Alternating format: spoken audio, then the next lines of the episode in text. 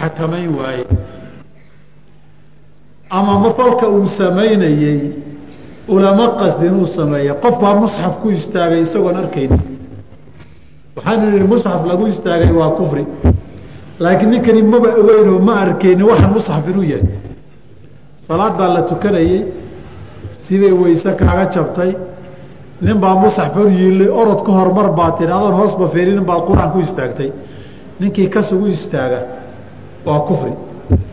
Laakiin ninkan kama uu istaagay istaagu falku waa kufri laakiin isagu kuma talagelin qasad uma samaynin.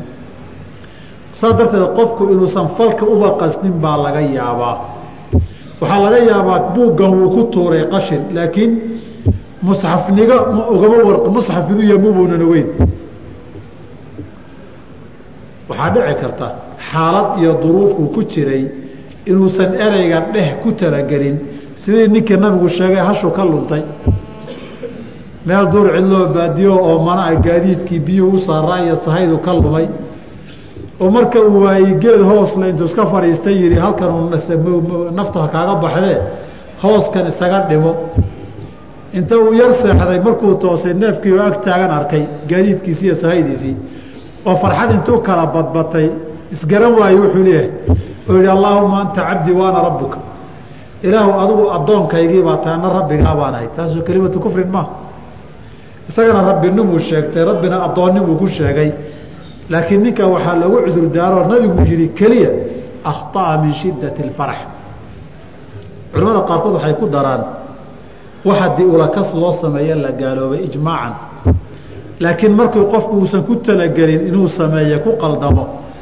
Qur'aan buu akhriyayey imaamkii salaada iyo taraawiixda dadka tukinayay aayad buu qalday. Waxaan teedii meelaan meesheedii ahayn buu dhex qaadsiiyey waxaa laga yaabaa in la qabto oo isku adkaysto oo qof kale ku celiyo. Ilaa xad wuxuu isku kalsoon yahay qur'aan ahaan inuu saxan yahay. Laakiin xaqiiqadu uu khaldan yahay.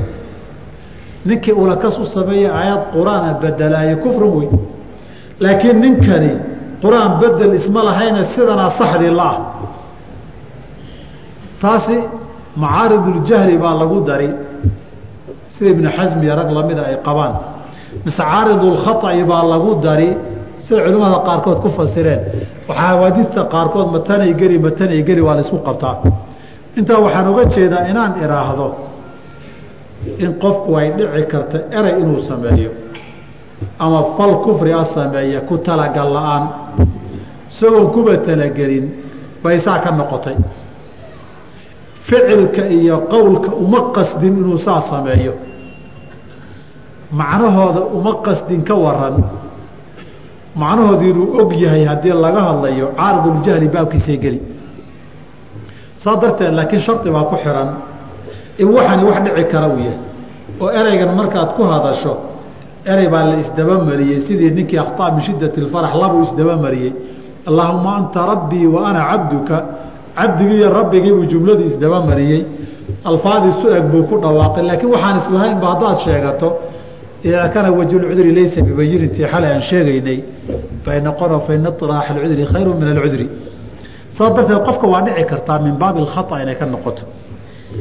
Waxaa dhici karta qofku daliil sharciga inuu si qalada u fahmo oo ta'wiil saayiqa uu leeyahay oo ta'wiilkii uu u fasirto si haddii saa loo qaado xukunkeeda sharcigaa ciddii garanaysa inay saa qalad tahe ku fasirtahay uu gaaloobayo diinta ka baxay. Waa dhici kartaa saxaabada sidaa saxaaxa ku taalla keyrkood ilaahay wuxuu xaaraantinimeeyey khamriga. Nabiguna waa dhintay calayhi salaatu wasalaam abuubakarna muddu hayo waa dhintay. Xilligii cumar waa nin saxaabada rag uu ka mid yahay oo qudaama nin la yihaahdo qudaama. Ibni madcuun nin la yihahda rag uu ka mid yahay oo rag oo isaguna bedri bedri ah raggii beder ka qayb galay ahaa oo meel iska fadhi oo khamri caba ayaa loo yimid. Oo iska kashaladanba oon dhibba haynin oon meel lagu degdegsanayn. Walaadha see wax kaaya khamrigaas oo lama xaaraantinimayn aniga xalaalay ii tahay war maxaa tiri annaga khamrida waa noo xalaal. Dadka kale ay xaaraan ka tahaye khamrigii qur'aanku xaaraantinimeeyey wax nasku xaaraantinimeeye waa xalaal ninkii yidhaahda diinta waa ka baxay soo maha lidaalika culimada waxyaaba lagu gala waxay kala mid ay leeyihiin man xarama alxalaala almujmaca calayhi aw xarama alaalaala aw xalla alxaraama almujmaca calayhi faqad kafar xaraan nasoo ijmaaca ninkii xalaaleeya waa gaal. Xalaal ijmaac ahoo nasa ninkii waa xaaraan dhahana waa gaal. Ninkani khamrigii naska qur'aanku sheegay buu wuxuu yihi waa xalaal. Cumar baa loo keenay. Markaasuu yihi cumaro maxaad igu haysataa? Qur'aankaa sheegay inay xalaal ii tahay. Oo qudaamo xagee ku sheegay ilaahay khamriga markuu xaaraantinimeeyey aayaadkii suurat lmaa-ida bal gadaashooda akri buuri laysa cala aladiina aamanuu wacamiluu الصaalixaati junaaxun fii ma طacimuu idaa ma اtaqow waaamanuu wacamiluu الصaalixaati uma اtaqow waaamanuu uma اtaqow waaxsanuu kuwa dembi kama saara waxay cunaane waxaasoo lama dhihin anu kuwaasaan kamid ahay min ahli bedrina kamid baana qolada lasoo reebaan ku jiraa buuri cumar radi allahu canhu waa u garaabay dhinac oo wuxuu yihi akhta'ta ustak manaa dabadaad dhulka ku dhufatay wey si xun baad u kuftay. Law qaal low gayraka qaalahaa nimaan adi ahayn saa muidhaha wuli qudaamow xaddulkhamrigii waa laga oofiyey laakiin xadduridda laguma dabaqin. Waayo aayaddan uu qalad u fahmay. Qofka haddaba haddii uu daliil isku yar dabagediyo waxbaa si ugu qalloocday waxbuu si kale u fahmay waa shubha iyo ta'wiil in laga saxa u baahan. Inta aan xukunka lagu fulin. Laakiin waxa uu yihi khamrigu waa ay xalaashu kelimatu kufrin wey inuu ictiqaadiyey isaga xalaal inay u tahay khamraduna ictiqaad kufrigo diin looga baxo wey. Isaga waxaa lagu dabaqi waayey daliil baa ku yar dabagadoomay qofkan. Ta'wiilka waxay yidhaahdaan wey. Waxaa ka mid a waxyaabaha dhici kara inuu jahli haysta qofkani oosan waxanba ogeyn masalatu lcudri biljahlina waa masaa'ilka zamankan aan joogna ugu badan ee aada qoorta la isugula galay wey. Dadku saddex bay u qaybsadeen oo arafaani iyo wasat bay u qaybsamaan oo qola xaggaa shay istaagtay.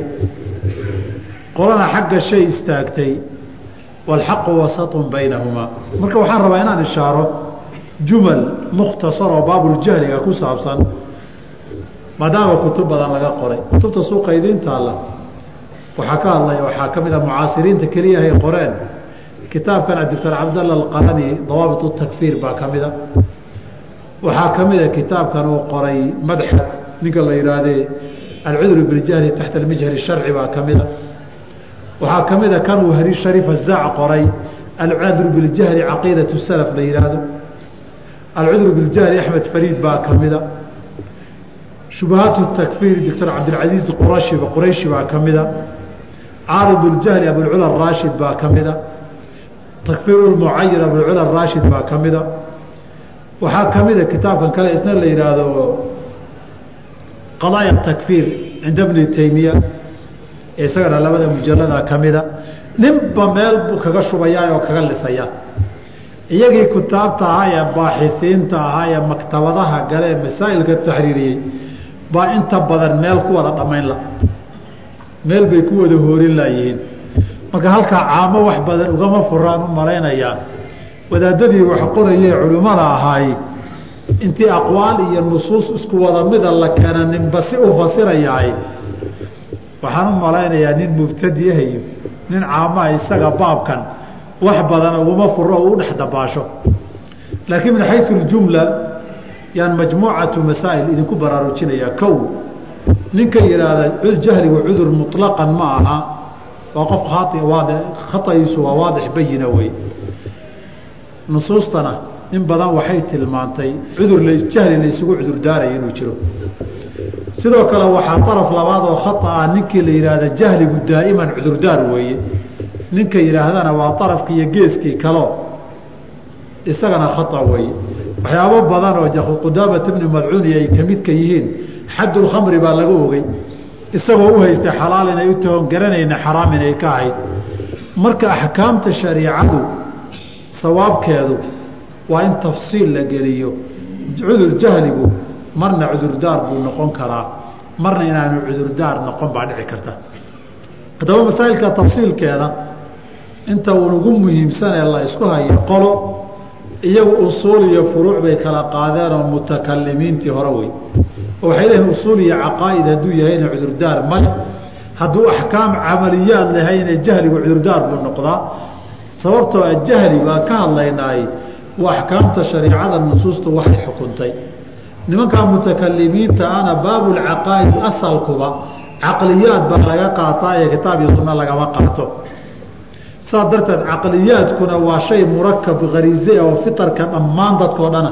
Saas darteed in ogaadaan waa waajibka mukalaf u horreeya annadar weeye macrifatu daliil weeye baabka shakay laakiin halkaas mas'alo badan baa udhuuba u dhuumata kutaabta mucaasiriinta. Ah aqwaasha markay sardinayaan culimmada tiri loo cudurdaari maayo baa waxaa ka hoos baxda. Qaaraan iyagu aynan isku usuul ahayn oo madhabkii mutakalimiinta ka duulaya inay masaa'ilka cudru biljahli u soo qaataan imaam hebel baa yidhi imaam hebel baa yidhi imaam raazi baa yidhi oo fulaan baa yidhi oo fulaan baa yidhi. Raggaasina waxayba wax ku salaynayaan caqiidoo dhan. Isaga ninkan warkooda soo daliishadayna caqiido oo dhan ma ahane qayb buu rabaa inuu daliishado marka usuushii hore ragay ka qaldan tahay oo isku wadaba aydan haynin minhaaj ba haynin masaladan way u dhuumataa ragga kutaabta ee wax qoray boqol kiiba sagaashan iyo shan intaan anugu akriyey waa u dhuumatay masaladaas. Way ka hoos baxdaayo. Raggaa unb nin walba de markii la ishayo waan tilmaami doonaayo waxbuu batadaa waa xaalad dagaal buu ku jiraayo. Intuu xaabo urursan karo urursadaa qolana waxay yidhahdeen maya masaa'ilka daahirka ee shaa'ica ee mutawaatirka ee mashhuuradaana cudurdaar ma leh. Masaa'ilka khafiga ee qarsoonna cudurdaar buu leeyahay iyada laftooda waxaa adkaatay masaa'ilkee daahira in la yidhaahdo masalada duhuurkeeda iyo macluum min addiin bidaruurana zamanka iyo makaankaa saamayn ku yeesha waxaa laga yaabaa masale inaga agteena mashhuurkaa meelaha qaarkood haddii la taga inaan warba laga qabinba. Hadda shanta salaadood inay waajib yihiin soo agteena mashhuurka maa mutawaatira waxaan arkay dad muslimiina anugu arkay oon ogeyn salaadu shan salaadood waajib in lagu leeyahay muslim baa tahay muslimaan buu ku leeyahay muslimaan nimankii bosnia iyo lagula dagaalamay. Waayo waa toddobaatan sano musxaf qur'aana ninkii lagu arkay jariimo dil ah buu ahaa. Nin odan arkay wuxuu igu yidhi musxaf baan haysan jiray dukaanku ii dhexyiilay shalfiska alaabta taalla gadaasheedu ku jirayo habeenkii markaa nalka damiyo baa intaan faynuus shitoon busto isku dadaan busto hoostiisa ku akrisan jiray. Waayo wax yar haddii la arka waa dil kaa caruurtiisii shuuciyadii ilmaha udhigaysay seekooga amba salaadin lagu leeyahay maxaa tahay muslimaan? Intaasuu ka yaqaan ah wax kale ma yaqaan xadiidkii xudayfe yadrisul islaam waan xasuustay nimankaa markaa arkay. Waxaan war kuwa kuwii nagu sheegaya waaka sal allahu alayh ali wasalam marka sidaa darteed qofku qaar waxay masaa'ilka waxaan uga jeedaa daahirka iyo mutawaatirku bel makaan ilaa makaan bay kala duwanaanayaan. Zaman ilaa zamanna waa kala duwanaanayaan. Hada dabdiga marka la yidhaahdo qolada sidaa isugu ururisay dabdigeedii iyo tadbiiqeedii baa waxaa ka imanayaa mashaakil. Ninna meesha uu joogo jahliga badan nuurka sunnaduna wuu yar yahay. Markaasuu masaa'il badan khafi ku daraya. Ninna meesha uu joogo waxoogay sunnadaa muuqato markaasuu masaa'ilkaasi khafiga uu ku daray qarsoone la isugu cudurdaarayo. Buu kani daahirka mashhuurka la isugu cudurdaaraya ninbuu ku daraya. Sababtoo ah maadaama makaanka iyo zamaanku ay taaiir saamayn ku lahaayeen iyaguna laba meelood oo kala duruufo duwan joogaan ninba tiisoo ku dabaqay. Markaasa waxaa laga yaabaa inaad u qaadato inay iskhilaafsan yihiin. Xaqiiqada isma khilaafsanaan laakiin xaaladday ka turjumayaan baa kala duwan. Qolana waxay ku leeyihiin asalka cibaadada iyo aaxaadda jinsiga cibaadada asalkeeda iyo aaxaadda hala kala qaado. Madhabkan daahirka iyo hala kala qaado waa ariiqa ay marayaan saaxibu lcudr biljahli taxta almajari sharci araashid abulculaa iyo kitaabkiisa caarud ljahli iyo madhabkay marayaan wey qolana waxay leeyihiin usuusha. Cibaadadu waa laba qaybood. Waxna waa asalkii iqraarka cibaadada ilaahay keliya inuu leeyahay. Taa cudurdaar maloo islaam la'aanteed lama noqdo. Waxna waa aaxaaddii iyo afraaddii cibaadaadkoo nadarka iyo dabxiga iyo waxyaabaha lamidkaa taa iyada cudurdaar way gashaa jahliga ay qolana leeyihiino waa saaxiibu shubahaati takfiir ninka iskale cabdicasiis qurayshi rag lamida. Nin walbana culimo badan buu wax ka soo guurinayaan qolo kale ayagana meel kale ka miisayo. Iyaga waxay leeyihiin waxaan kala qaadaynaa ninka mutamakin min alcilmiga eh iyo ninkaan mutamakinka ahayn. Ninkay u suura gashay inuu ogaan karo? Iyo ninka hadda soo islaamay iyo ka nashaa bibaadiyatin geeljiraha iska ahayeen meel diin iyo cilmi lagu hayaba arag iyo kuwaasaynu kala qaadno oo qaacidati imkaaniyati lcilmiba iyaa lafteeda haddana qoorta la iskula sideedaba qofku markaasay mas'aladu waxay isula gudbayaan qiyaamu lxujati qofku warmay xujada horta ku ogantaa waxaan soo wadno oo dhan isku soo ururiya waa inay xujadu ku ogantee xujadu ma cilmigu inuu gaaraa mise inuu heli kara wey imkaaniyat lcilmi miyaa mise waa buluuqu lcilmi halkaasa iyadana aqwaal culumi iyo dawaahir nusuus kala duwaniyo baa qoorta la gelayaa inta saa la isu haysto waxay haysta waa rag culumi iyo baaxiiin iyo nin walba intaasoo qowl caalim iyo daliil daahirkiisa iyo mufasiri fiqiyi mufasiri fiqihi baa yiri iyo imaam hebel basaa yiri baa la isku haystaa. Intaa markay tahay masaladu waa fii majaal baxi cilmiga wey fii majaal baxi cilmi ah bay masaladu maraysaa. Intaa wixii ka soo tegey adigu dhowr masalaa muhiim inaad ogaato. Markaad aalib cilmi tahay ama nin culimo lakooda aad tahay. Waayaha masaa'ilkii cilmigii waxaa looga taagla-yahay qolyaha culimo lakoodka ah. Wax ma yaqaano? Waxna ma barto. Laakiin wadaadada cashirada iyo muxaadaraadku aga farfadhiistaa kadib banaanka markuu taga caalim muftia way. Nin baa waa hore wadaad waxaa la weydiiyey sheekh waa naqaan. Xaajina waa naqaan. Macallina waa la yaqaan. Saydna waa la yaqaan. Aw muxuu yahay markaasuu wuxu ow waa culimo lakood culimadu waaga joog joogaayo kaaga dhadhow yahay. De ibriiqiisa weysadiiyo tusbixiisana waa iska wataayo culimo lakood wey. Marka waayahan hadda waxaa na rogay culimo lakoodkiibaa na rogay. Culimo lakood wada mufti ah. Haddaad masalada aad ka hadlaysa xaggay ku taallaana kitaab aan garanayni uu ku sheego. Buugu kitaabuu soo qaadiya meeluu ka doonana aynan u fursarayn haddana labada abuurka ka sii daynaya oo fatwoonaya ba horta mashaakil naga haystaan marka culimo lakoodku dhowr mas'alaan rabaa inaan kugu baraarujiyo masalada koobaad mas'aladan nusuus dawaahirtood baa iskhilaafsan baabu tacaarudi watarjiix iyo tacaadul iyo tarjiix baabka usuululfiqiga la yidhaahday geli. In la jamciyiya qaabka laysu waafajinayana waa min mawaaطin اlijtihaad oo qof kasta ma geli karo haddaad ku sibqata masale aadan geli karin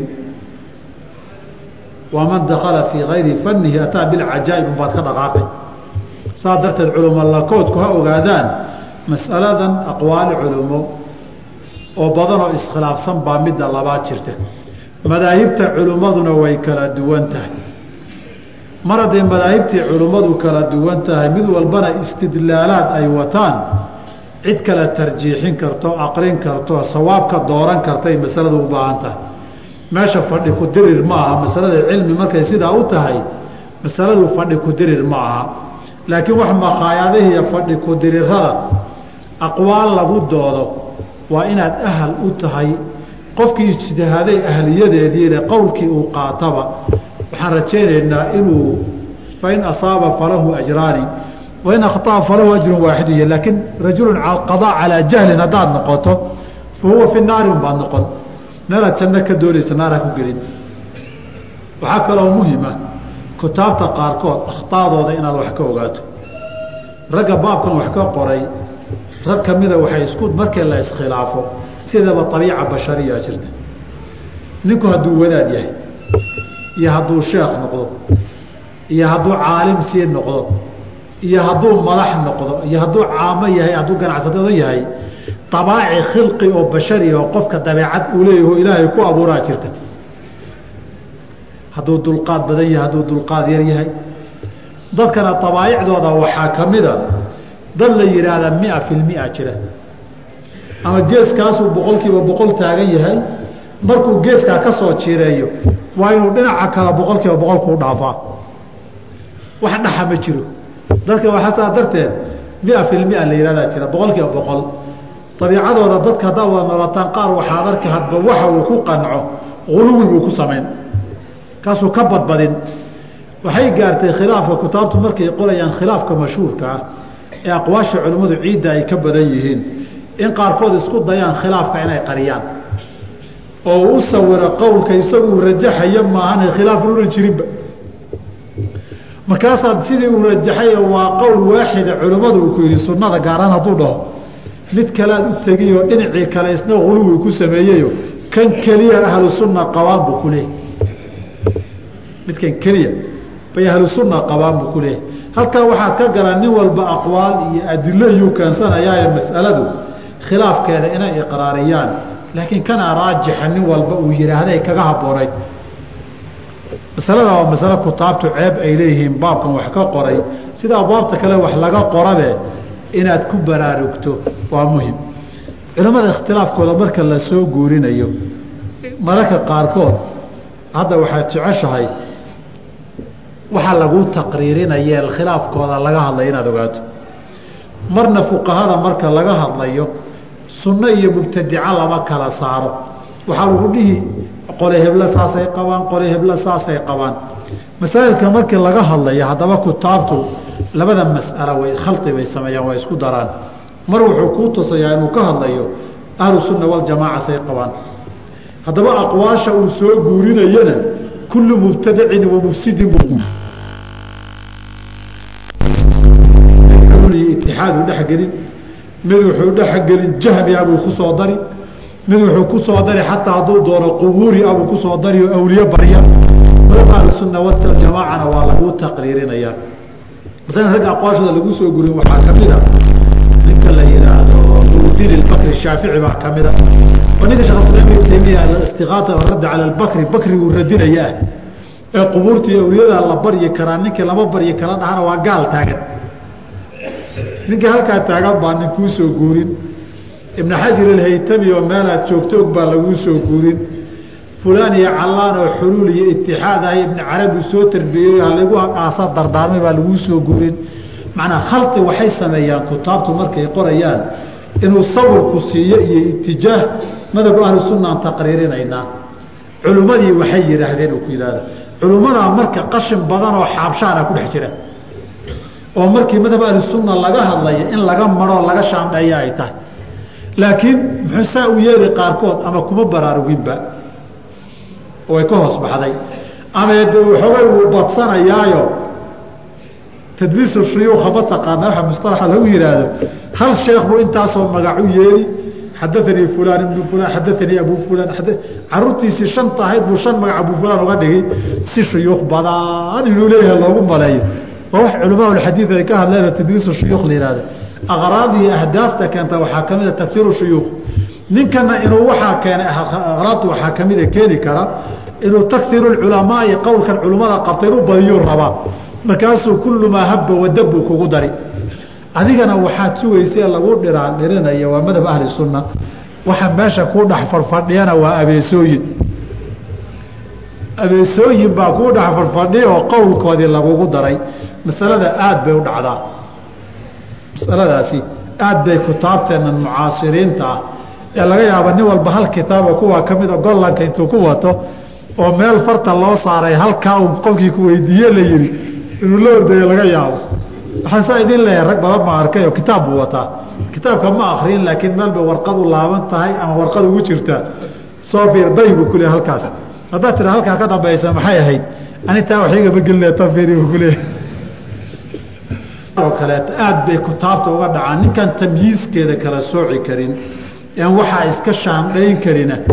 De hadhow waxaa laga yaabaa ninkii xaaba habeen gurta waxaa la yidhaahdaa masiya abeesa cad buu qori moodaa.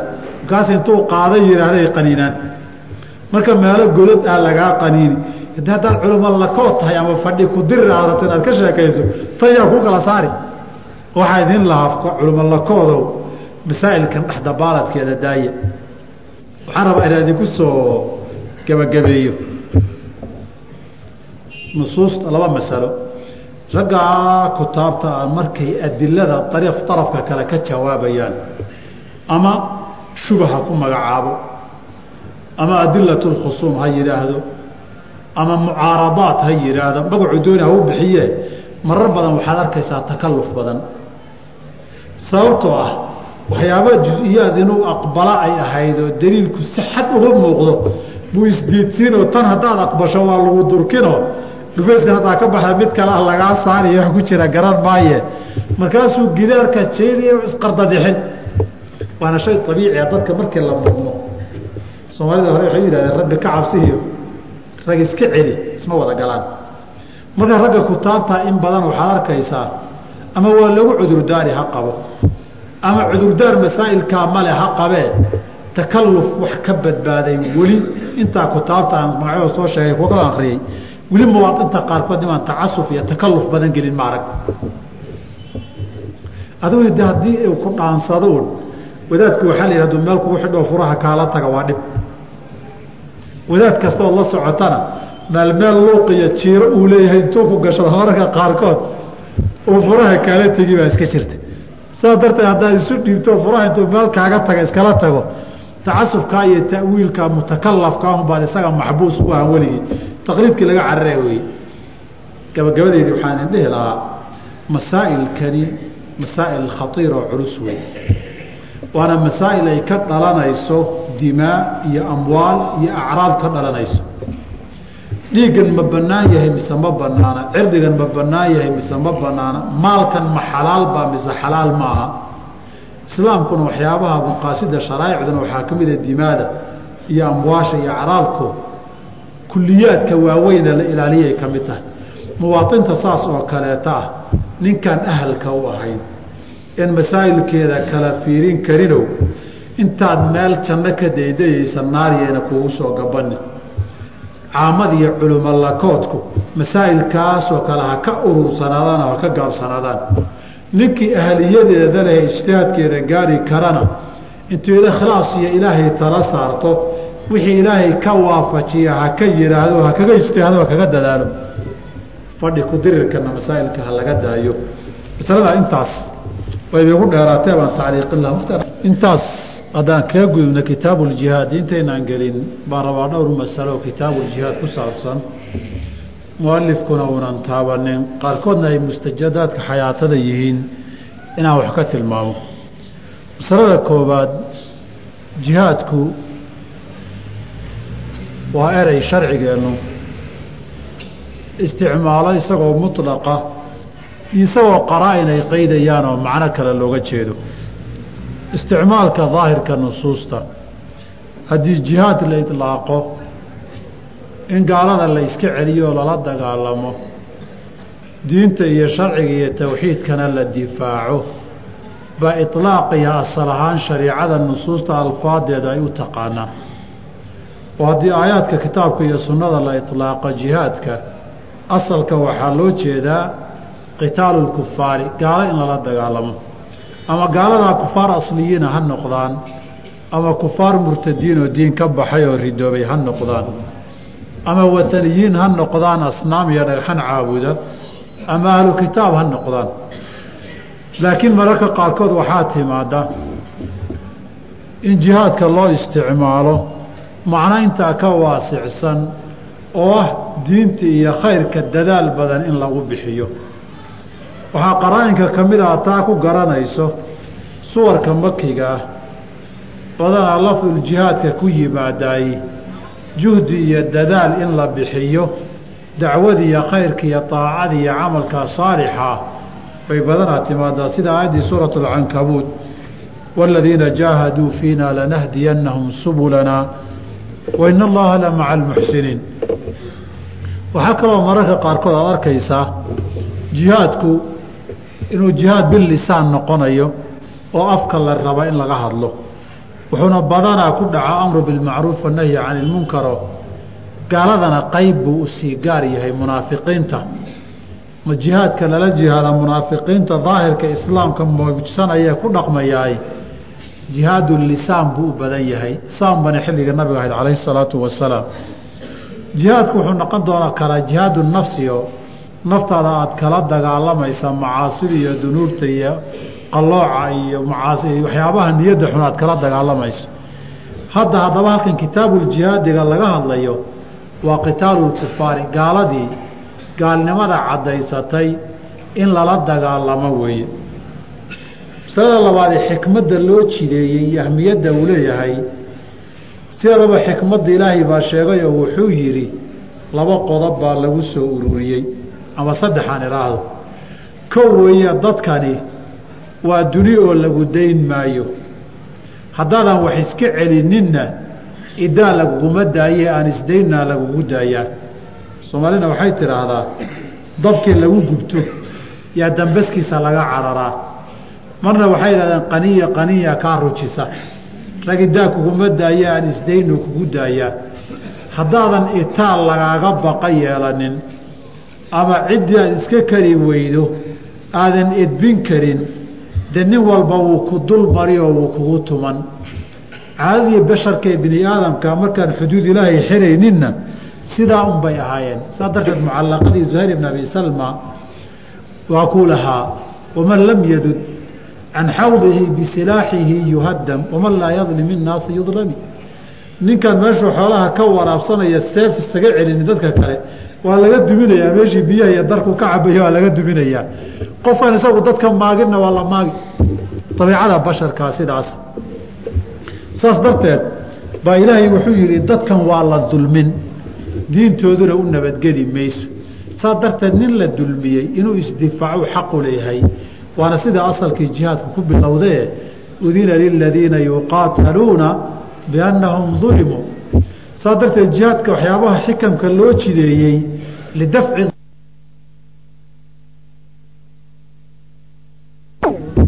ee meel loo fadhiila yahay in la iska celiyo wey. Soomaalidana waxaan xasuustaa baan u malayn sugaanteeda waxaa ka mid ahaa markay ka hadlahayeen adduunkunba nabad baa ka shaqaysa mise muruq iyo xoog baa ka shaqeeya soo mayna dhihi jirin bishimaha agtoodii iyo been weeye baaruudda qaraxdii iyo buntuq weeye dunidii. Ninba ninkuu ka xoog badan yahay uu ka adag yahay. Saas darteed waxay hore u yidhaaheen nin laga adag yahay laga allaroon marka saas darteed adduunkanna waad aragteeno xoogunbaa shaqeeyee ninkii xooggiisa laga yar cabsado baa xaqiisa loo ogol yahay oo xorriyaddiisa loo madax banneeyaa saas darteed udina liladiina yuqaataluuna biannahum dulimuu ummadda la dulmiyey ee hadda guryahoodii lagu soo weeraray ee xoolahoodii la boobay ee waddamadoodii la bannaystay inay xaq u yeeshaan inay wax iska celiyaan oo qaniya qaniya kaa fujisa ay noqoto oo ninkii dab kugu dhajiyey aad dab ku dhajisay isagana faman ictadaa calaykum factaduu calayhi bimili ma ctadaa calaykum. Taasi waa xikmadda asaaska ahayde de anugu waan kugu dhufan ma carigu naqsaan ku jirayna weligay carigu celi weligaa kuma jiri kartid. Ninkii kugu dhuftaay waa inay sharcan iyo diin ahaan kuu bannaan tahay inaad iska celiso.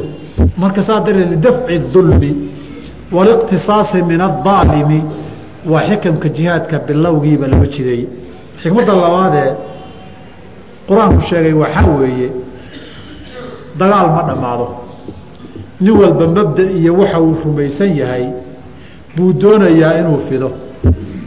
Saa darteed weligaa dagaal lagaa dayn maayo haddaad nabad kasta doorato haddaad kas tidhaahda dalkaygaan ku ekaan haddaad tidhaahda cidna doonan maayo kolla lagu dayn maayo.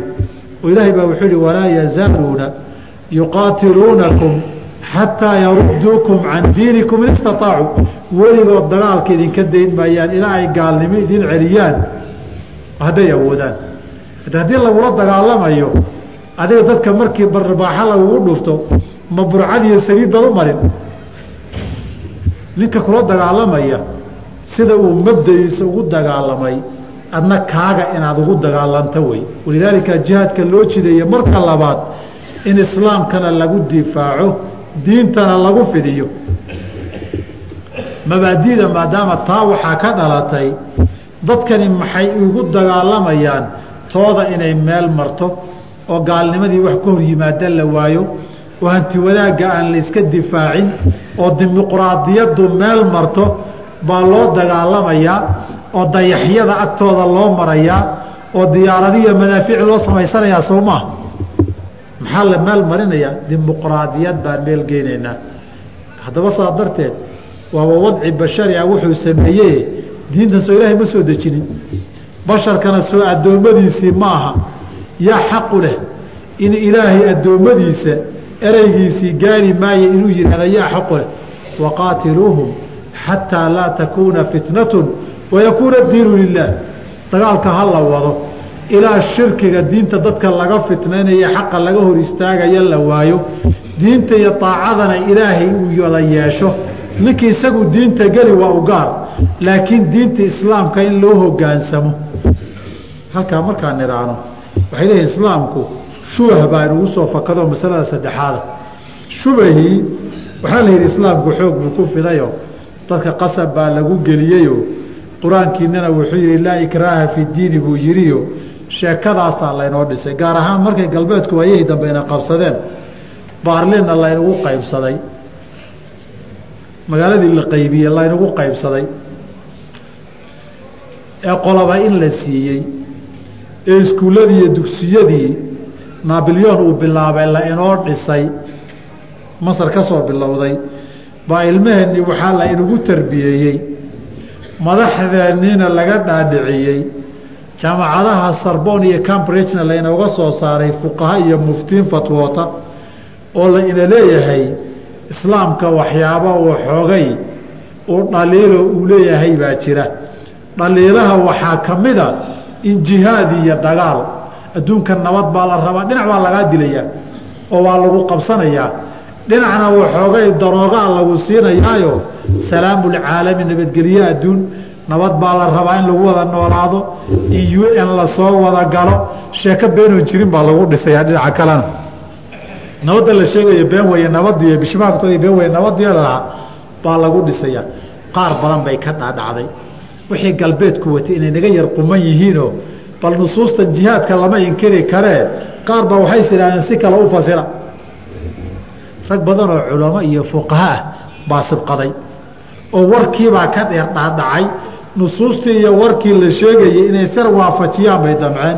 Jihaadka sharciga waa jihaadu dafci keliyo in laisdifaaca loogu talagalay. Saa darteed wasaarat difaac baan leenahay. Adduunka dhan moogtahay israa'iil keliya wasaarat lxarbi leh wasaaradda dagaalka. Inta kale wasaarat difaac wey dunidu inta kale wasaarat difaac wey qolada wasaarat alxarbi wey iyagoo fooqa alqaanuun iyo fooqa alxisaab weyaa lagu leeyahay. De dagaal meeshaba xoog bay rabtaan wax ku qabsateen dhul bay maalin kasta boobaysaa wasaaratu maxay difaacanaysaa iyadu? Ma islaamku difaacan buu jihaadka ugu talagalayo haddii aathaarul xarbiga doctor wahba zuxayli iyo rag badan waxay qoreen aada akhrido wax maalaa yacni oo kalaam aan qiimo lahayn. Markaasaa waxaa lagu dhihi jasiiradda carabtu nabigu joogay xuduudda china markuu ka dagaalamayey jasiiradda carabtu difaacay. Waraadha diintani soo shuuciyadii ilaa soomaaliya intay raashiya ka timid kuguma imanin. Soociyana looma samaysanin mabday in la meel mariyo. Soo hadda taliya soomaaliya badaheeda reer galbeed iyo maraykan ma tubna. Oo dimuqraadiyad baan xoog ku hirgelinaynaa ma laha. Haddii fikirkii bini aadamkii xoog lagu meelmarinayo maxaa ceeboo ku jira kii rabbaaniga ahaa in xoog lagu meelmariya maxaa dhib ku jira uya meelaan jirinunbaa laga cararay. Hoosunbaa mala la isu lulaye. Xaqii lagu difaaco oo dadkii diintii xorriyad loo siiyo oo rabbi kelimadiisii way gaari gaari maysa ninkii lahaa laga weeciyo baa jihaadka loo jideeyeyo. Xataa laa takuuna fitnatun wayakuuna diinu lilaahi baa ka mida iyadana taasina waa shubuhaadka la furay. Baan intaa iyadana kaga gaabsanoo waxaad ad u akrida aada u fiican iftiraa'aat xowla haayaati اljihaad doctor maxamed naciim yaasiin risaaladu le risaalantii aada u qiimo badan weeye oo fatradii laga soo gudbay qaswulfikriga dadka la watay ee waxaan iska celina loo soo gudbay bay ku beegnaa kitaabkiisaas. Waag hore shubuhaadka si yar daciifnimo ku jirtaa loo qaabilay waagii dambena waxaa la reer difaacun kuma jiri kara gaalada maalinba wax sheegayse iyaga horta balaantooda weerara iyo mabaadidooda baatilka aan weeraro halkaa weerarkiibaa isa soo taraye kitaabka maxamed nacim yaasiin aad buu u fiican yahay. Jihaadka xukumkiisa iyo xaalaadku leeyahy asalka jihaadku mualifku ma sheegine fardu kifaaya weeye. Asalkiisu fardu kifaaya weeye. Oo ummadda qaar u qumta haddii la helo fulisa inta kale dembigu uu ka dhacaa hadday intaasi kifaaya yihiin. Laakiin saddex xaaladood buu jihaadku mutacayin noqdaa. Ninka ay goobtii ku qabsadee goobta jooga dagaalkuna ku bilowdo. Atawali yowma zaxfi lama ogolo. Maalinkaa man yuwalihim yowmaydin duburahu ilaa mutaxarifan liqitaali aw mutaxayizan ilaa fiatin faqad baaa bigadabin min allahi kama carari kara meesha. Dagaalka ilaa gebagabadiisa waa inuu joogaa ama ha ku dhinto ilaahay shahaadaha ku siiyo ama ha ka soo nabadbaxo isagoo nool. Laakiin dagaalku hadduu ku qabsado carar lama ogola. Dadka qaar baan xabadda inay ridaanba loo barakaynin. Qaar baa saad u fagfag leeyahay oo u fiqfiq leeyahay oo warkada aad oga laadahay. Baa marka la soo gaaro buu caloosha ay xanuuniyo. Islaamnimo laga soo calaacalay iyo anigu xeradaan sii ilaalinayo waxaa waa caadi way dhacaan. Ninba waxaa laga hayaa? Marka banaanka la joogo kuwa u fiqfiq badan. Ba hadha ugu fulaysan baa nin laga hayaa. Sabaadku waa qofka ilaahay wuxuu siiyo. Waxna waa waajibka diintaah waxna waa qofka si uu mukhaalafo samayn kara sida dunuubta kaleba loo geli karo. Baa dembigan carar kale qofka uga dhici kara isagoo muslim oon gaaloobin. Xaaladda hadday ku qabsato waa cayn. Xaaladda labaad ee mutacayinka uu yahay haddii istinfaar imaam jiro muslimiinta aacadiisu ay waajib ku tahay oo imaamnimadiisu ay sugnaatay oo jihaad dadkii ugu yeero. Istinfaarka uu dadka ugu yeereen laba midkuu noqdaba waa u waajibaa hadduu ummadoo dhan u yeero oo yidhaahdo nin qofna ma hadhi karaa la soo wada baxo. Qof hadhi kara marka waa farducayn dhammaantood. Oo nabiga wuxuu yihi waida stunfirtum fanfiruu soo baxa haddii lahaa baxa. Ilaahayna qur'aanku daahirkeeda ku tilmaamayo markii la yihi tabuuk infiruu khifaafan wa hiqaalan idinkoo fudud iyo culaysba baxa. Nabiguna soo baxa yidhi baa lagu canaantay qoladii hartayo. Maa lakum idaa qiila lakum infiruu fii sabiili illaahi haaqaltum ila alard aradiitum bilxayaati dunyaa min alaakhirati? Baa lagu canaantay. Istinfaarka khaas inuu yahay baa dhici karta oo dad gaara la magacaabo ama kooxda hebleah ama ururka ciidanka iyo guutada hebleah ama qof shaksi aba la magacaabo meesha hawl gaara looga baahan yahay adigu bax la yidhaahdo nabiguna ala slam ciidamo waa diri jiray rag buu magacaabi jiray ragna waa lagu qori jiray. Ninkii gaar loo magacaabo. Ama guud ahaan labadaba waxay soo gelayaan. Farducayn buu noqdaa cinda istinfaari imaami ama si guud ama si gaara waxaa saddexaadoo farducayn uu noqdaa. Haddii uu cadowgu uu soo weeraro meel muslimiintu leeyihiin iyo muslimiin soo weeraro iyaguna ay ku fillaan waayaan. Haddaynan iyagu awood iyo tabar ahaan ugu fillayn hadba inba intay ka soo xigto ilaa muslimiintao dhan ay gaarto bay waajib cayniya ugu tahay inay aadaan oo meesha ay ka qayb galaan. Hadhow ilaa inteebay kifaayadu tahay inta kale maxay tarayaan laga yaaba tafsiilaadkeedu masaa'il ijtihaadiya inay iska noqdaan masaladanna waa masalada ay badan soo guurinayaan. Laa naclamu khilaafan bayna ahli اlcilmi masalada khilaafka kama taagno muran ma gasho. Haddii jihaadkii sidaa yahay laba araf sidiisaba camalku markuu camal khayr badan yahay oo jihaadku acmaasha islaamka ugu fadli badan uu ka yahay oo nabigu ku magacaabay dirwatu sanaami snaamihi اljihaadu oo xataa nabigu uu sheegay cadaabu lqabriga dadka ka badbaada waxaa ka mida ninka shahiidka oo markii la weydiiyey uu yidhi kafaa bibaariqati sayfi fitnatan. Imtixaan qofkan waxaa ugu filan seefta cadow qoorta u dhigtay baa imtixaan ugu filan uu yidhi. Oo nabigu fadligiisa ku sheegay jannadu miata darajatin oo kamida ilaahay mujaahidiintan ugu talagalay oo la yidhi waxaa loogu shafaaco aqbalaa sabciina min ahlihi awjabu naara toddobaatan dadkiisoo naar u waajibtaa isaga dartii loogu shafaaco qaadaa iyo fadaa'ilka aan la tirin karine uu leeyahay camalku markuu saa u fadli badan yahay haddana dhinaca kale waa mashaqo badan yahay. Naf baa la hurayaa oo maal baa la hurayaa wa ishaaqu ruuxi wa itlaafu lmaali wey iyadooy sidaas tahay ba aayadaha qur'aanku saxaabada xilliga nabig markay canaananayaan baad garan kartaa xaaladda culayska jiray. Oo la leeyahay kamaa akhrajaka rabuka min beytika bilxaqi waina fariiqa min almuminiin munaafiqiin mahagow fariiqa min almu'miniina lakaarihuun yujaadiluunaka fi lxaqi bacdamaa tabayan kaanamaa yusaaquuna ila lmowti wahum yanduruun in la bireynayo kawaangila gowrgowraca loo wado. U muuqata. Meesha nafti ku baxaysa ee naf maal la hurayana wax sahlan maaha. Walidaalika ilaahay darajada sare siiye camalkani haddaba wuxuu leeyahay laba araf araf wuxuu leeyahay mashaqo aada u badan iyo culays aada u badan iyo dhibaato aada u badan buu leeyahay. Dhinacna wuxuu leeyahay darajo aada u weyn oo aada u sarraysuu leeyahay. Acmaashu saa markay tahay acmaasha saalixaadkaa sideedaba ninba ilaahay baab buu u furaa si munaasabo maalin hore aan ka hadlayey almusaaracatu ila alkhayraat aan ku tilmaamay. Guluwi baa gala marka. Nina cabsidaa ka badata oo makhaatirta iyo khawfkaa u muuqda markaasuu cabsidiisii inuu sharciyeeyuu doonayaa saa darteed ninka wadaadka la yidhaahdo waxoogay masale aan fulay ku nahay baa jira. Markaad adi rag ishaysaan ama aad waxoogay si kaa yahay rag baan ishaynaa inaad dhahda way adkaane. Ishaysigiinibaad inaad diin u sawirta aad ka dhigi. Waayo ninkii sheekha ahaabaa rag xiniin isku haystaan waa yaraa ceeb oo ahwaabaa gashay bay noqon.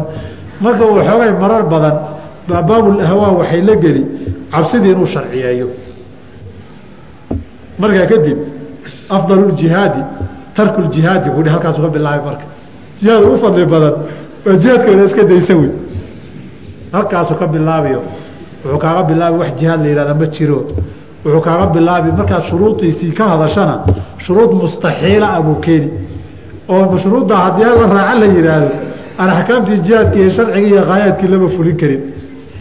Nina darafka kaleu istaagiyo intuu isaga un acmaashii ka soo reebo baa ninkii meelaha uu ka waayo mujrim mufsida buu yaqaanaayo waa arafayn aqiid weeye guluwigu ifraadka iyo tafriidkii darna jihaadkii baa laga kari laayahayo waxay gaareen musamayaadkii sharcan mamduuxa ahaa ee ninka mujaahidkii uu mamduux magacan mujaahidnimadu waa magac ammaan sharcan mudan way asmaai axkaam marka laga hadlayo. Inuu magacii cay ka dhigo hebel waa jihaadi iyo hebel waa mujaahid iyo jihaadiyiin weeye in laysku caayo waa arrin aan habbooneyn alfaad iyo musamayaad sharcigu ammaanay in ceeb iyo dhaleeco laga dhigaayey waa min baabi ahwaai wey. Ninna inuu yidhaahdo axkaamtii shariicadoo kale o dhan isaga intuu ka fadilo jannaba meelaan halka ahayn lagu galaynin inuu ka dhigo. Dadkii muslimiinta ahaa iyo xuquuqdoodii iyo manaasishoodii iyo makaanadoodii oo dhan uu u hidaariyo banaanka ugu qashinka ugu daro. Keliya isaga halka uu ka taagan yahay iyo baabkaa meesha aan kaga jiray kagama jiro. Runtii labadaa arafay naqiid waa wax abiici oo soona jiri jiray. Haddana jira jirina doona wey wax hadda bilowday ma aha. Hadday dadka qaarkii moodayaan inay maanta iyo shalay bilowdeen masalada gabagabadeeda waqtigu waaba iska dheeraadaan u malayne. Waxaan ku soo gabagabayn jihaadku waa laba qaybood. Jihaad sariix xukunkiisa jihaadnimadiisu ay tahay oo waa qitaalu kufaari markuu yahay. Markii gaalo lala dagaalamayo bishuruuihi gaalkuna gaalnimadiisu ay caddahay. Waa jihaadka sharciga ee sariix ahe aynan habboonayn in la isku khilaafo. Sharciyadiisa banaanaanshihiisa hadday wujuub noqoto wujuubkiisa fadli hadday noqoto fadligiisa kaalmayn hadday noqoto garab istaaggiisa jihaadka noocaasi ma habboona in ama shubah la geliyo.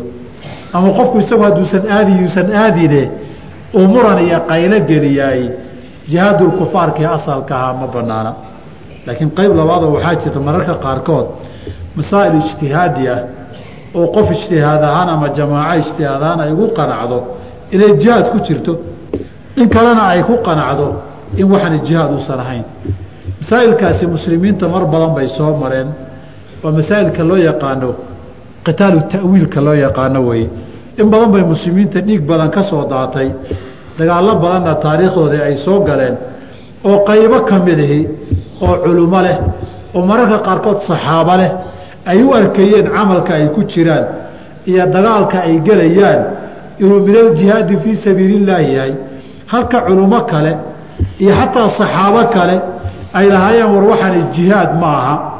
Marka masaladu hadday min haada albaabi tahay oo min baabi qitaali ta'wiil ay tahay qofka ijtihaadka diin ahaan ugu qancayna hadduu ahal u yahay insha allah waxa ugu yara u helaay ajrun waaxidun wey ninka dhinaca kale diin ahaan ay ula muuqatay inuusan jihaad ahayn oo in la gala aynan ahayn oo in dadka laga daayo ay tahayna waxa ugu yara hela ajrun waaxidun weeye masaladu markay halkaa tahay bakyiga iyo dulmiga labada araf ay isdulminayaan sharcan ma wanaagsana. Tusaalayaal aan idin siiyo. Insha allahu tacaala mar baan horta bilmunaasaba maadaama halkaaba ay ku timid mar baan ka hadli doonaa qitaalu ta'wiili cabra taariikhi. Taariikhda muslimiinta qitaalu ta'wiilkii soo dhacay baan ilaa toban xaadiaan rajaynaya baan ka hadli doonaa. Intaan hadda madaxay ku jirta xasuusto. Mid waliba goortay bilaabatay siday ku bilaabatay dadkii qabay makaanaday lahaayeen fikr sababahay ku saleeyeen wixii dhacay waxay ku dambeysay iyo wixii ka dhashay. Mar baan qitaalu taawiili fi taariikhi islaami mar baan ka hadli doonaa insha allahu tacaala. Waa goormo ma garanaye? Adunbay ugusoo haddunbay ila qumanaatay. Inaan xawaadistaas wakti aan dheereen baan ka hadli doonaa. Ala horta baabuljihaad aan dhammayno. Markaan kitaabkaan dhameeyo baan insha allahu tacaala tatima uga dhigi doonaaye waxaa tusaale dhowr tusaale laakiin aan idin siiyo. Maalan waqcat lxara yasiid ibnu mucaawiya xilligii aabihii mucaawiya khilaafada u dardaarmay reer madiina baa waxay yidhaahdeen ninkani muslimiinta madaxuma noqon karno. Diintana waa inaan difaacnaay ninkaa iska celinaa rag saxaabo oo waxaa ku jiray qaar laysku khilaafay badriyiin miyay ahaayeen mise ma ahayn. Laakiin asxaabu baycati ridwaan baa ku jiray. Qaar asxaabu baycati ridwaana baa ku jiray. Qaar asxaabu lkhandaqaa ku jiray. Qaar min asxaabi uxudaa ku jiray raggii waxaa weeye fataawa badan baa dhacday. Khuab badan baa masaajida laga jeediyey. Waxay fataawada u badan ku baxday. Min ajihaadi fii sabiililah inay tahay. Qaar kalena waa garab istaageeno ibnu cumar baa ka mid ahaa. Waxaa ka mid ahaa ninka la yidhaahdo saciid ibnu musayib baa ka mid ahaa. Cali ibnu xusein zaynalcaabidiin baa ka mid ahaa. Maxamed ibnu xanafiya ka mid ahaa. Rag badanna waxay dhahan wareedha sidan sax ma aha. Waxana camalkana jihaad ma aha. Nima yaho inaga daaya dagaalkiina waa dhacay wax badanna waa ka dhashay. Laakiin munaasabada aan raba inaan tilmaamo waxaa weeye labadii araf ninkii ku dhintay ajashiisu gashay waa tegey. Laakiin baqyi iyo dulmi iskuma samaynin. Qoladii gashayna qolada kale baqyi kuma samaynin oo ma dulmin qoladii ka hartayna qoladan ijtihaaday baqyi iyo dulmi kuma samaynin. Min mawaaطin اlijtihaad laysu cudurdaaray inay tahay bay ogolaadeen waxaa labaatameeye sano ka dambeysay qisadii ibnulashcar iyo quraadii fuqahadii muxadisiintii iyo quraadii boqolkiiba sagaashan iyo shan ibnulashcar bay la safteen. Xajaaj bayna la dagaalameen. Raggii la saftay lama tirin karee raggaan la safanin ba waxaa lagu leeyahay ciraaq oo dhan shan nin baan culummada ku biirin dagaalka. Culummadii shan lix qaar toban bay gaarsiinayan baa dagaalka ka harayba culummadii dhannayd yaa ku jiray maxamed ibni siriin baa ku jiray caamir shacbi baa ku jiray saciid ibnu jubayr baa ku jiray abaabulka dambe anas ibni maalik baa ka mid ahaa ragga dhiiri gelinayey ma yara baasho rag kalena way diidanaayeen. Xasan albasri baa ka mid ahaa nucmaan ibnu bashiir baa saxaabiga ka mid ahaa rag badanna waa diidanaayeen ogow. Dagaalkii waa dhacay ilaa dad boqol iyo soddon kun lagu qiyaasay baa la leeyahay dhimashiya dhaawac bay noqdeen dagaaladaas. Diiruljamaajim oo soddon beri dagaal socday baa ugu dambeysay. Aakhirkii laakiin markii laga soo doogay waxaa la yidhi waa la doogayayaan la dacaroon maqasha raggii masaa'ilkii maadaama masaa'il qitaali taawiil jiha ijtihaadi uu ahaa midna midka kale baqi iyo dulmi kuma samaynin. Masalada hadda aan usheeg nabaadiinta u sheegayo. Nuxurkaan raba inaan gaaro waxaa weeye dagaalkii sifiin markii la gelayey saxaabadu qaar cali bay la socdeenoo jihaad bay u arkayeen. Qaarna mucaawiyay la socdeenoo inay xaq leeyihiin dagaalka inay isdifaacaan bay u arkayeen. Qaarna sacd ibn abi waqaas iyo labadaba waa ka dhexbaxeeno meel bannaan baad isku haysaan bay lahaayeen. Wa maca daalika baqi iyo dulmi iskuma samayninoo fii muwaaطini اlijtihaad markay masaladu cilmi iyo ahlulcilmi gaarto hadday masaladu min masaa'il ijtihaadi tahay aahaarteeda waa la qiimeeyaa qofna waa la eedeeyaa laakiin baqyi iyo dulmi la iskuma sameeyo. Marka noocaasi waa nooc jihaadna ah. Jihaadna ma aha iyo waa yahay la isku qaban karo min baabi qitaali taawiila waa idinku dheereeyaan u malayne?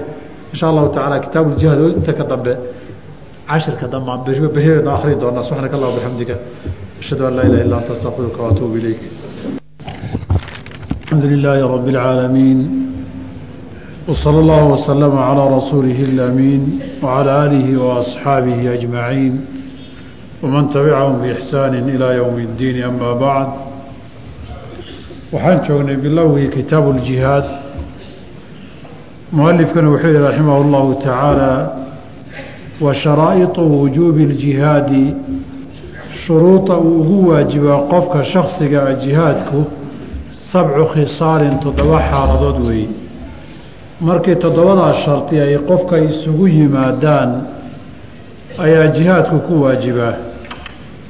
Jihaadka wujuubkiisa uu ka hadlayo. Marka koobaadi waa wujuubkii kifaa'iga ahaa ee dadka qaarkii hadday sameeyaan. Qaarka kale dembigu ka dhacayay ama aan dembi loo raacanaynin waana ka cumuuman aynu soo tilmaannay xalay in xukunka jihaadku asal ahaan uu yahay fardu kifaaya marka laga reebo dhowr xaaladood oo fardu cayn uu noqdo. Cumuumkaasina waa xukunka jihaadka ee guuday ama daahirka awaamirta la is-amray ay tilmaamayso ama nusuusta qaarkeed ay ku tilmaamayso dadka dhan inay aadaan inaan lagu lahayn haddii aan dalab gaarihi jirin falowlaa nafara min kulli firqatin minhum طaa'ifatu liyatafaqahuu fi اddiin sidaan bayna ahaan jirtay xilligii nabiga calayhi الsalaatu wasalaam maruu isaga ciidanka raaco iyo maruu ciidan diroo ka haro isaga iyo rag kaleba ay haraan markuu baxana dadka qaar uu reebo danihii iyo howlihii kale sii ilaaliyay ahaan jirtay marka jihaadkan wujuubka la sheegaya waa wujuubkii kifaayiga ahaa wujuubka kifaayiga laba xaalo labadaba waa galaa jihaadka nooca la yidhahda jihaadu alab jihaadu alabka asalkiisu waa kifaayi oo mutacayin cayn wuxuu noqdaa oo keliya istinfaar iyo alab khaaso haddii uu jiro ama qofka ay goobta ku qabsato jihaadu dafcigana waa galaayo ilaa kifaayadu in laga maarmi waaye dadka intiisa kala maahane hadday in ku filani u baxdo jihaadu xataa dafcigu ama difaacahi marka u horeysaba dadka waajib kuguma noqdo. Hadyigii nabigaana daliilu calayhi salaatu wasalaam oo markii uxud dagaalkii uxud la soo weeraraya muslimiinta jihaadkay galeen jihaadu dafci oo magaalada duleedkeeduu ahaa dumarkiina maanay bixin caruurtii yaryarayd iyo cabiiddiina lama kaxaynin waxaa la mid ahaa dagaalkii axzaab iyo khaswatu lkhandaq oo iyana isbahaysigii quraysh iyo dadka kaliya yuhuudda isa soo bahaystay ee qabaa'ilka badan isaga yimid iyo qowmiyaadka khandaq iyo godka markii la qodayey dumarkiiyo dhammaan soo baxa lama dhihin maadaama ragga joogay labada dhacdaba la qiyaasayay inay ku filan yihiin difaaca magaalada. Marka jihaadku markuu kifaa'i yahay ayaa toddobadan loo shardinayaa laakiin markuu cayni iyo mutacayin noqdo shuruudan in badan oo ka midihi looma waxba shardi maaha shardiga koobaad alislaamu weeye. Dadku waa inay muslimiin yihiin. Inay muslim yihiin daahirka qur'aankuna waa tusay.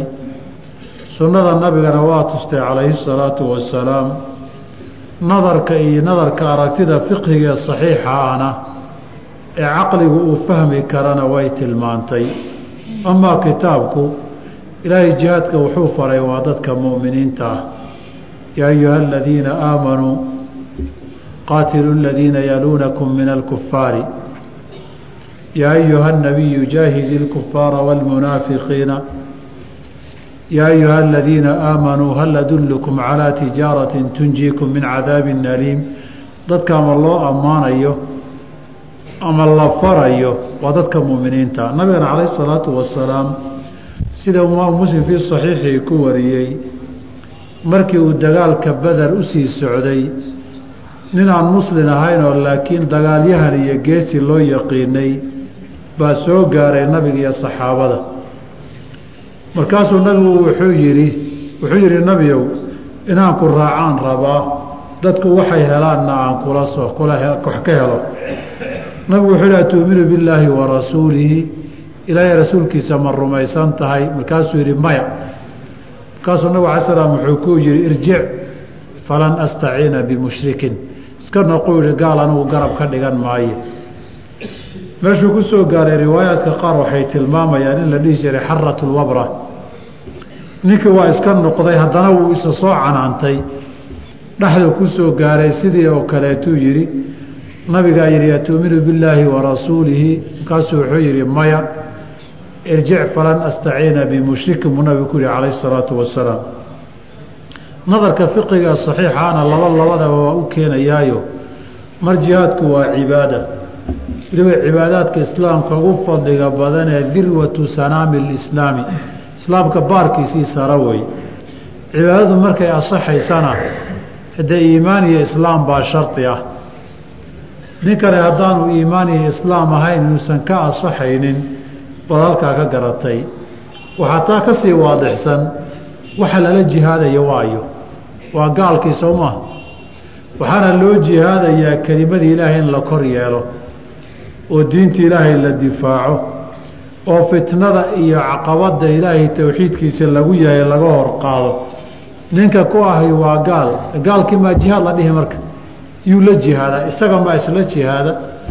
Waxaa la farayaa adigu isdilo adigu isweerar marka nadarka saxiixaana sidaasuu tilmaamayaa inuu shardiga wujuubka islaam yahay koobaad labada shardi ee xiga walbuluuqu inuu qaangaar yahay iyo walcaqlu inuu wax kala garanayo caaqil iyo majnuun waalan ahayn.